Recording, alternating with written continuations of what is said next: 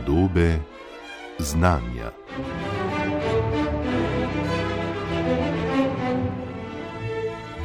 Tla pod našimi nogami so dobesedno temelj življenja na kopnem, a pravzaprav o življenju v njih, o prepletenih odnosih tamkajšnjih organizmov vemo sorazmerno malo.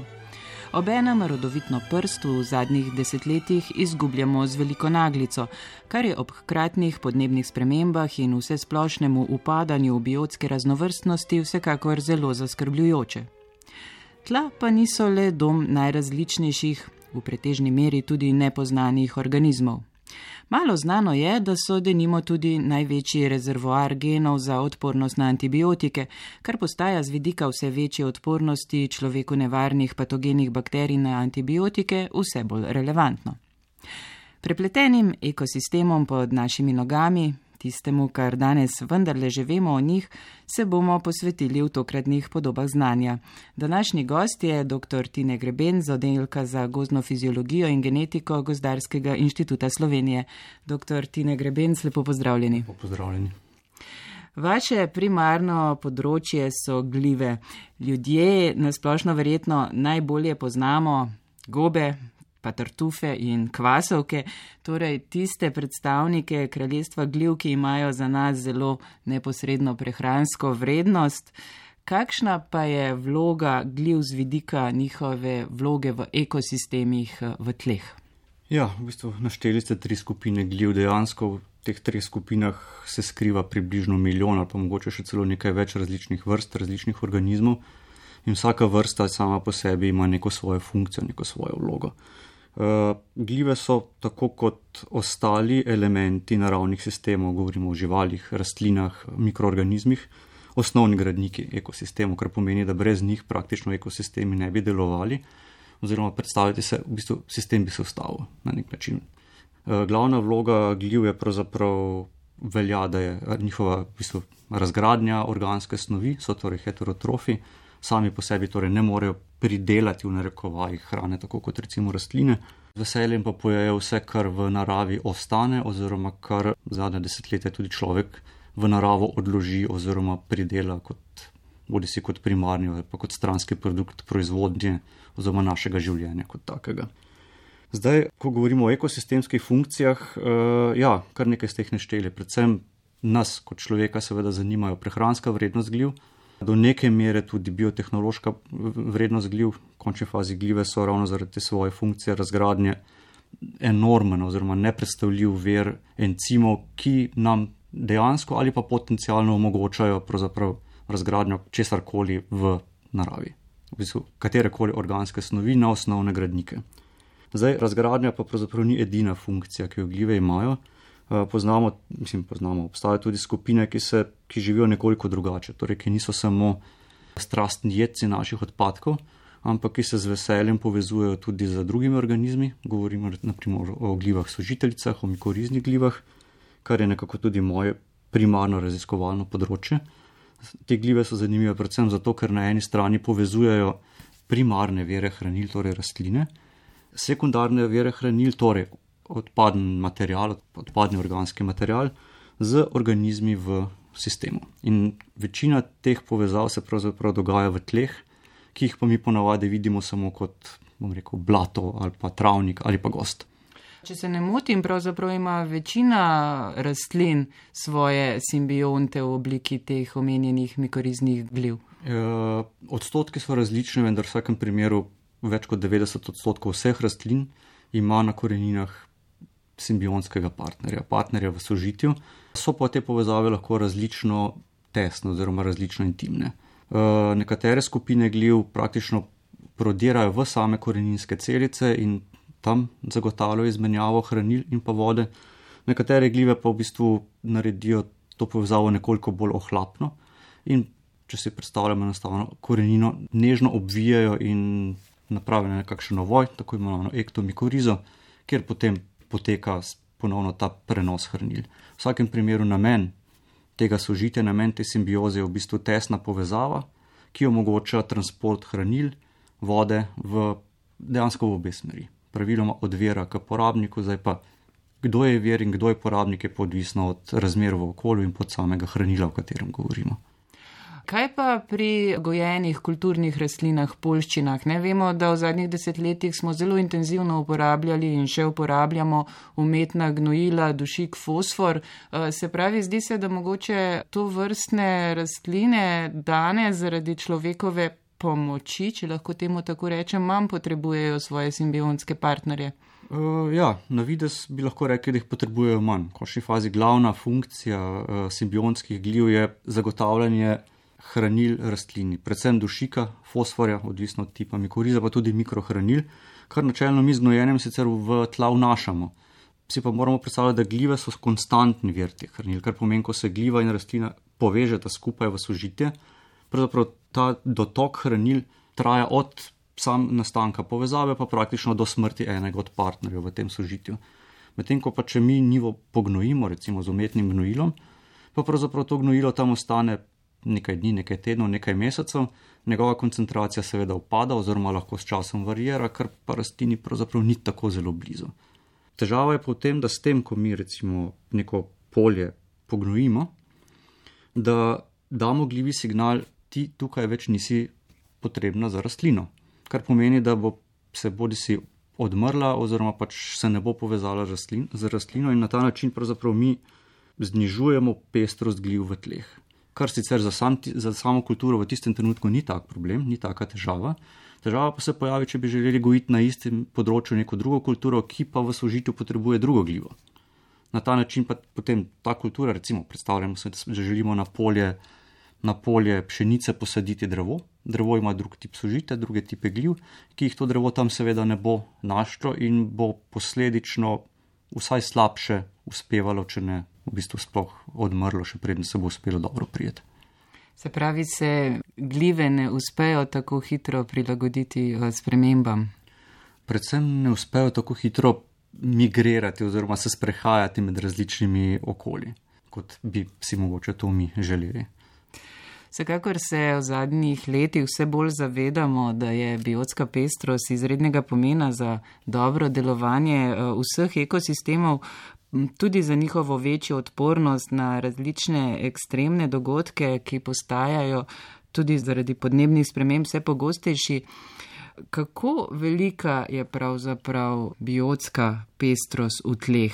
Dr. Tine Grebenc, vsekakor je zelo široko vprašanje, pa vendar kaj pravzaprav vemo dejansko o biotski pestrosti tal?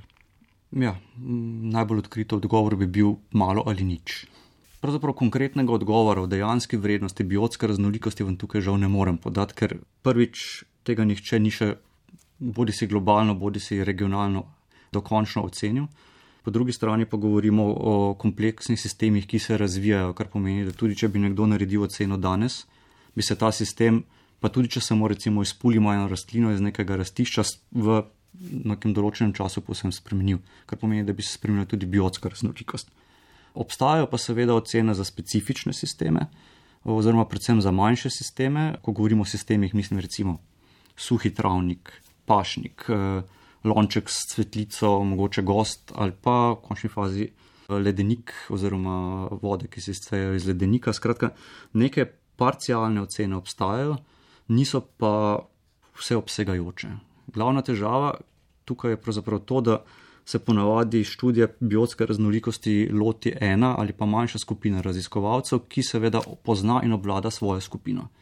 Recimo, če bi se jaz lotil študija biodiverzitete v tleh, bi se najverjetneje osredotočil na, na, na gljive, bakterije bi recimo še nekaj malega poznal, medtem ko vse ostalo, predvsem talna fauna, torej živali v tleh, tam bi se pa končalo pri živalje. In to seveda potem povzroči, da pravzaprav neke celostne slike sistema, a bodi si nimamo ali ga pa izredno težko dobimo. Vsekakor ste ta problem skušali nasloviti tudi v okviru eh, zelo obsežne mednarodne raziskave, v kateri ste sodelovali, dr. Tine Grebenc. V njej ste eh, skupaj s številnimi kolegi po svetu skušali bolj konkretno določiti te bele lise, ki zevajo na presičišču našega torej poznavanja biodiverzitete prsti in samega delovanja ekosistemov in to res, eh, kolikor se le da na globalni ravni. Eh, glede na malo prej povedano, se zdi, da je takšna raziskava kar velik zalogaj, kako ste se je lotili pravzaprav. Eh, pobudo za raziskavo je, je dala skupina, tako imenovana Soil Bond. Gre za, v bistvu za skupino raziskovalcev, ki se združujejo okrog več evropskih inštitucij, katere glavni namen je opazovanje združb, torej pestrosti tal in njihovega spreminjanja. In Gozdarski inštitut Slovenije, oddelek za gozno fiziologijo in genetiko, je član te skupine in na ta način smo se študiji sploh pridružili. Namen študije je bil, kot ste rekli, v bistvu oceniti, koliko podatkov sploh imamo o biotski raznolikosti tal. V ta namen smo zbrali približno 17 tisoč različnih literaturnih verov, predvsem seveda z področja angliškega govornega področja oziroma publiciranja, tako da sem pripričan, da tukaj nam smo pogrešili večje število verov lokalnega izvora, ki so samo v lokalnih jezikih. Žal, vem, da še vedno končna številka je bila več kot 17 tisoč. Ti veri so pokrili praktično vse kontinente in vse večje biome. Torej, od uh, tundre preko gozdov, travnikov do praktično puščav. In gotovili smo, da seveda pričakovano, večina študij pravzaprav pokriva področje Evrope, predvsem Zahodne Evrope, Severne in Centralne Amerike in uh, jugovzhodne Azije. Torej, bolj kot ne razvitih področji sveta. Medtem ko te tako imenovane bele lise pa praktično zevajo preko celotne Afrike, uh, večino hladnejših področji, sploh sibirsko področje in pa nasplošno južna polobla, rekel je v študijah precej slabše zastopana. Ni bil pa namen te študije v bistvu samo brskati po, po člankih in ugotavljati, koliko, je, koliko raziskav je kdo, ki je napravil, vendar tudi ugotoviti funkcionalnost teh študij. Skratka, a, po, poskušali smo povezati pestrost kot tako z študijami, ki se ukvarjajo z ekosistemskimi storitvami. Ek, ekosistemske storitve so pravzaprav na nek način servisi, ki jih okolje, v tem primeru tla, nudijo človeku. In? Ja, prekrivanje je minimalno dejansko. Večina študij, ki se ukvarja z biotsko raznolikostjo, se sploh ne sprašuje, kakšna je funkcija teh organizmov tam. Tisti, ki pa se ukvarjajo z, z funkcijo posameznih organizmov v tleh, pa v resnici ne gledajo tega stališča celotne združbe, celotne pestrosti, ampak se ponavadi osredotočajo na enega, en organizem oziroma neko manjšo skupino organizmov. Dejansko prekrivanje v številkah je 0,3%, kar je praktično zanemrljivo. Pa lahko iz tega drobca ni cela tri procenta, vendarle dobimo nek upogled, kaj pravzaprav se dogaja, kaj ti konec koncev tukaj gre res za preplet tako zelo številnih dejavnikov, da se zdi pravzaprav naloga, ki je domnevam še pred vami raziskovalci v prihodnosti zelo, zelo obsežna. Ne? Toliko različnih organizmov, za katere večji del niti jih še ne poznamo in vse preplet njihovih medsebojnih odnosov. Ja, trenutno v bistvu stojimo pred goro, ki je visoka 2-3 tisoč metrov in se igramo z drobnimi kamenčki velikosti frnikul. Cela gora pa pravzaprav še čaka, da jo v resnici dobro raziščemo. V luči stalnega spreminjanja okolja je pravzaprav utopično pričakovati, da bomo kadarkoli vedeli vse. Ampak eh, prav bi pa bilo, da to znanje, to povezavo funkcije in biotske raznolikosti vseeno nekako prinesemo bliže skupaj. Trenutno so seveda vrzeli tako v samih ocenah pestrosti, kot v okoljskih funkcijah. Težave imamo v končni fazi tudi z poimenovanjem organizmov. Pri teh študijah biotske raznolikosti se povezujeta dve, pravzaprav dva koncepta vrst. Povezuje se klasični biološki koncept vrste oziroma morfološki koncept vrste, ker pač pravimo vrsta A je, je vrsta zato, ker ima tako barvo listov, tako obliko debla, tako, tako uh, površino skorje. Uh, na drugi strani pa imamo genetski koncept vrste oziroma filogenetski koncept vrste, ki pa pravzaprav se ne ozira več na neko zunanjo podobo, ki je nam blizu in jo v bistvu lažje ocenjujemo, ampak gleda vse skupaj na ravni genetike oziroma genov in pestrost ocenjuje na osnovi pestrosti genov. Ta dva koncepta nažalost večkrat strižata, lahko tudi za 20 in več odstotkov, in tudi to v končni fazi ima za posledico, da enostavno ne moremo prijeti do rekel, 100-odstotnega poznavanja, bodi si biotske raznolikosti, kaj šele potem povezave recimo z, z ekosistemskimi funkcijami. Kaj pa so recimo področja vprašanja, ki bi vas osebno, dr. Tine Grebenc, najbolj zanimala iz vašega vidika? Kaj je morda tisto, kar bi um, v sklopu tega vprašanja, ne, kakšne so prepletene funkcije v ekosistemu in tega, da se primarno ukvarjate z glivami, morda najraje naslovili? Uh, povezave.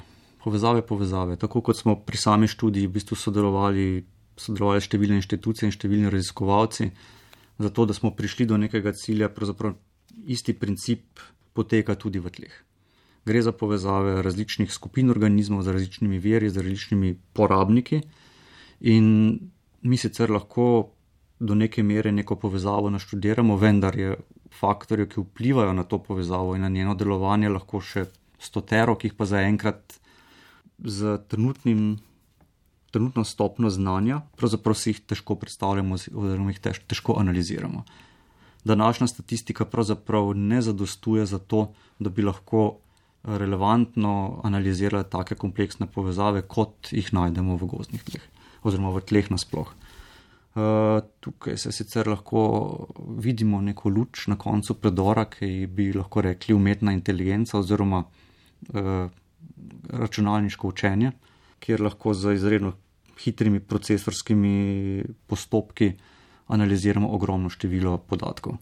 Te, bom rekel, računalniške postaje, nekaj takih računskih postaj, pravzaprav velikih že obstaja se pa potem pojavi seveda ta težava, ki smo jo tudi tukaj izpostavili, da manjka pa konkretnih podatkov. Pa smo spet nazaj pri raziskovalcih, ki nam ne ostane drugega, kot da oblečemo gojzarje, damo go rokavice in se podamo v naravo študirati, kaj se tam dogaja. Še en zelo zanimiv vidik se skriva v prsti. Eh, omenila sem ga že uvodoma. V tleh so namreč, kar je eh, manj znano, prisotni tudi geni odpornosti na antibiotike.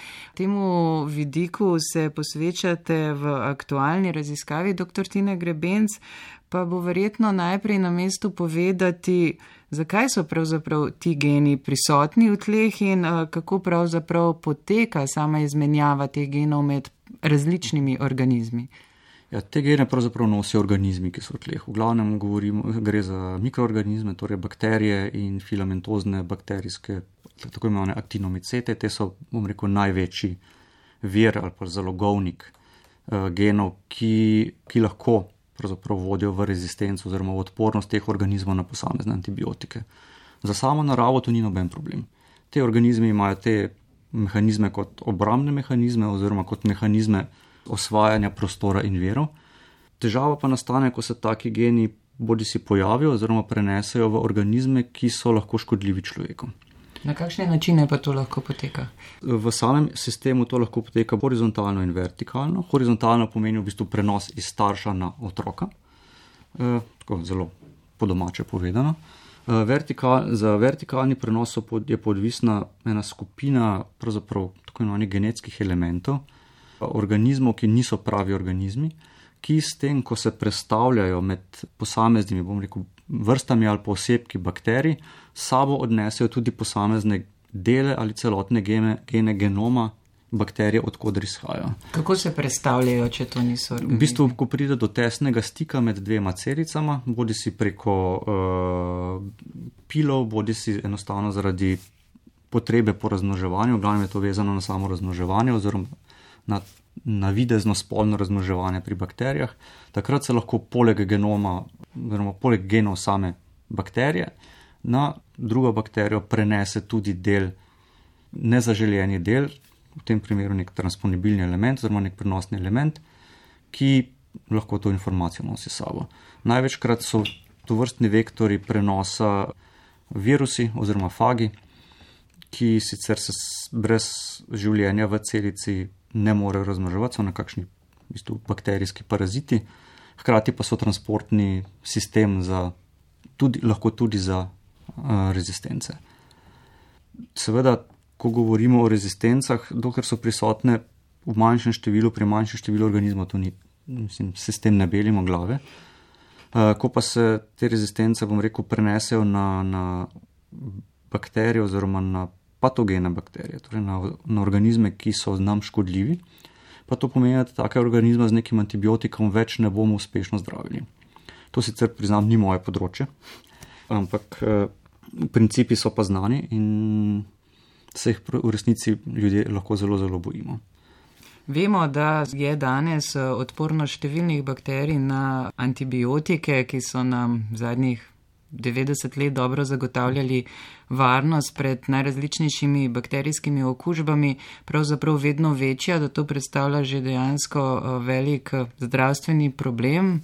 Ampak kako pravzaprav te v naravi prisotni geni odpornosti, v kakšni interakciji so lahko z pač potencijalno patogenimi bakterijami? Dokler so bakterije, ki nosijo gene za, to, za, za rezistenco v tleh, recimo, oziroma so pač živijo v nekem svojem sistemu in ne pridejo v stik bodi si z človekom oziroma z bakterijami, ki lahko potencialno povzročajo neko bolezen človeku ali pa rastlini ali pa živali v končni fazi. Uh, to niti ni toliko pomembno. Uh, ne, ne delajo nam nikakršnih težav.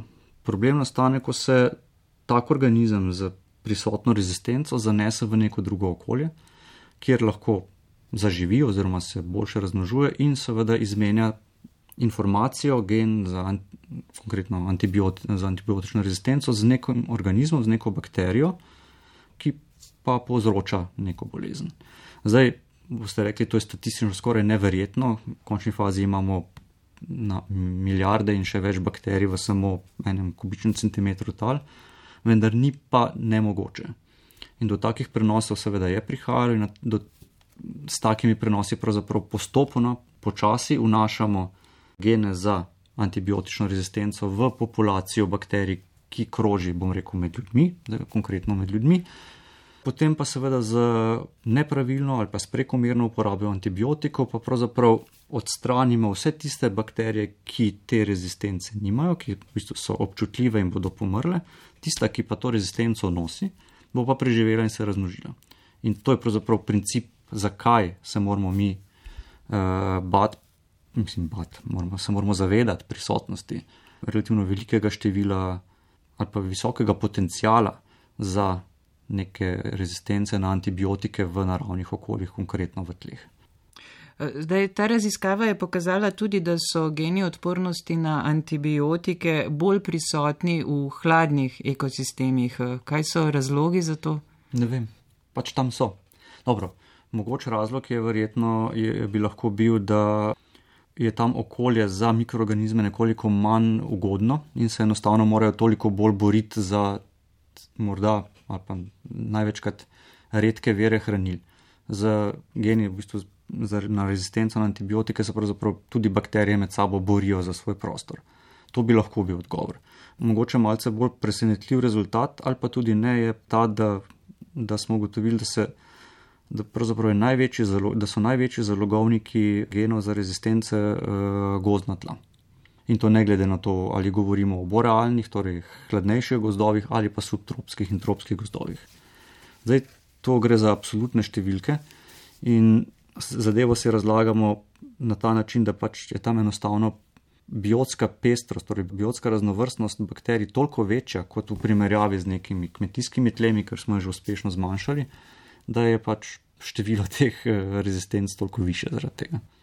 Pa naša uh pretirana raba antibiotikov, kaj neposredno vpliva na pač prisotnost teh genov v, v tleh, v naravi ali mm. sta to pretežno ločeni? Gre za dva, dva neodvisna pojava. Pač sami geni za rezistenco so prisotni. Eh, razvili so se pri posameznih skupinah bakterij zaradi njihove potrebe po preživetju. S tem, da pa mi vnašamo antibiotike kot take v neko okolje, bodi si preko odplak preko fecesa živali in tako naprej, ali pa spletirano uporabo na splošno v fitofarmaciji, pravzaprav mi spreminjamo združbo teh bakterij. Torej, združbo spreminjamo iz uh, ene izredno pestre združbe bakterij, ki imajo rezistence in bakterij, ki nimajo rezistence, v smeri združbe, ki seveda pogoje zvišanja koncentracije oziroma količine antibiotikov preživi, torej v populacijo, ki je na ta antibiotik odporna. In če potem ta populacija se na tak ali pa drugačen način uspešno prenese v okolje, kjer se lahko prenese na rezistenca, prenese na organizem, ki je nevaren, škodljiv človeku, rastlini ali pa, ali pa uh, živali. Pač imamo vnešeno novo rezistenco v populacijo in se nam potem pojavi težava pri zdravljenjih, konkretno skupine organizmov, v kateri pač je govora.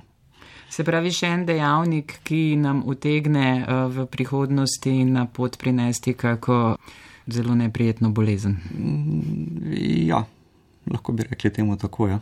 Sploh, če se bomo z, z tlemi in s prstjo obnašali in ravnali z njo na način, na kakršnega v bistvu ravnamo zadnjih 100, 10, 100, mogoče nekaj sto let. Skratka, gre za motnje, ki jih vnašamo v sisteme, bodi si z spreminjanjem tal, z prenašanjem tal iz enega območja v drugo območje, ali pa v končni fazi z čisto posredno preko deforestacije, kar pomeni, da v zelo kratkem času sprostimo ogromno število talnih mikroorganizmov, ki je bilo prej v nekih gozdnih tleh fiksirano v okolje. Zdaj to okolje je, lahko, je največkrat sicer voda, ampak lahko pa tudi vem, z prenašanjem, ne nujni primeri, z, z končni fazi s pres, presajanjem ene rastline iz enega na drugo območje. Tudi to je že lahko dovolj, da prenesemo z tlemi tudi mikroorganizem, ki nosi neko odpornost, ki je v danem okolju oziroma v danem ekosistemu nezaželjena. Človek s svojimi posegi v prostor, ki so izredno res obširni in vse prisotni, pravzaprav res dela, um, dela stvari, za katere je težko napovedovati, kakšne bojo posledice, razen tega, da nam strokovnjaki iz vseh področji nas opozarjate, da utegnejo biti posledice zelo škodljive. Vseeno v zadnjih letih so bolj intenzivna prizadevanja, da se vendarle naše ravnanje preusmeri na nekoliko bolj um, trajnostno pot. Uh, trudimo se z različnimi uh, pristopi, kako pravzaprav vendarle zamejiti upadanje biotske pestrosti. Uh, kaj je po vašem mnenju, dr. Tine Grebenc, morda najbolj ključno, kje je treba morda kaj najbolj spremeniti? Ja, biotska raznovrstnost jo pravzaprav ne razumemo samo kot število vrst na nekem področju, ampak gre tako za prisotnost vrst, kot za prisotnost funkcije teh vrst in v končni fazi na ekosistemski ravni tudi o, o pestrosti ekosistemov. Torej, če želimo ohranjati neko zadovoljivo biotsko raznovrstnost okolja kot celote ali pa zemlje kot celote, seveda ni dovolj, da ohranjamo samo neko skupino organizmov, če hkrati uničujemo njihov naravni sistem. Tak primer so recimo velike živali, divjad, kjer se sicer trudimo ohranjati živali kot so ris, kot so volk, hkrati pa pravzaprav jim ne damo možnosti nekega normalnega življenja. Tak način ohranjanja je sicer kratkoročno uspešen, je smiseln, v vsakem primeru je smiseln zaradi ohranjanja genetske pestrosti. Vprašanje je pa, kako se bo to obneslo, če bomo rekel, še naprej uničevali neke gozdna področja ali pa z odstrelom njihove hrane, pravzaprav jim ne dali možnosti normalnega preživetja v nekem okolju. Skratka, ohranjanje biotske raznolikosti je izredno kompleksen postopek in pa predvsem dolgotrajen. Stališča človeka je pa, seveda, saj vemo, mnogi danes pravijo, da klimatskih sprememb ni, da biotska raznolikost je pravzaprav samo kaprica raziskovalcev, v končni fazi saj imamo, saj imamo nive, ker nam se zraste, ampak vprašanje je, koliko časa še. Po drugi strani pa, če pogledamo na svet kot celoto, Zemlja bo preživela. Z ljudmi ali pa brez ljudi. Eh, ne glede na to, kakšno motnjo bomo mi v, nek, v, v sistem unesli, se bo pač ta sistem s časoma stabiliziral, oziroma bo za njihov in se potem uravnal na neki, na, na neki drugi ravni, ki mogoče bo ali pa tudi ne primerna za preživetje človeka. Zdaj pa, v kolkem času želimo doseči to drugo raven, ki nam več ne bo omogočala srečnega in zadovoljnega življenja, je pa stvar, o kateri bi se mogli pravzaprav dosti več pogovarjati in kjer bi tudi znanost morala pravzaprav narediti več v smislu uh, sporočanja pomena in nujnosti zagotavljanja neke pestrosti, ki je pravzaprav potem generator oziroma zalogovnik bodi si genov, bodi si vrst, bodi si funkcij, ki jih bomo lahko s časoma uh, uporabili ali pa tudi ne približno tako kot bazična znanost. Trenutna tendenca je, da se nekako bazične znanosti ne favorizira tako zelo, oziroma eh, je bolj pomembno, da je stvar takoj uporabna in da se jo da takoj prodati. Po drugi strani pa jaz pravim, kaj nam bo pomagalo, da znamo klonirati drevo, če pa hkrati ne bomo imeli gozdarjev in biologov, ki bi znali potem to drevo nekam posaditi in ga ohraniti pri življenju.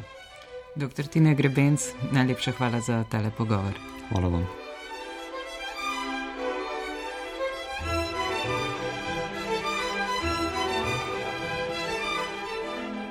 Podobe znanja. Z doktorjem Tinetom Grebencem sem se pogovarjala Nina Slaček.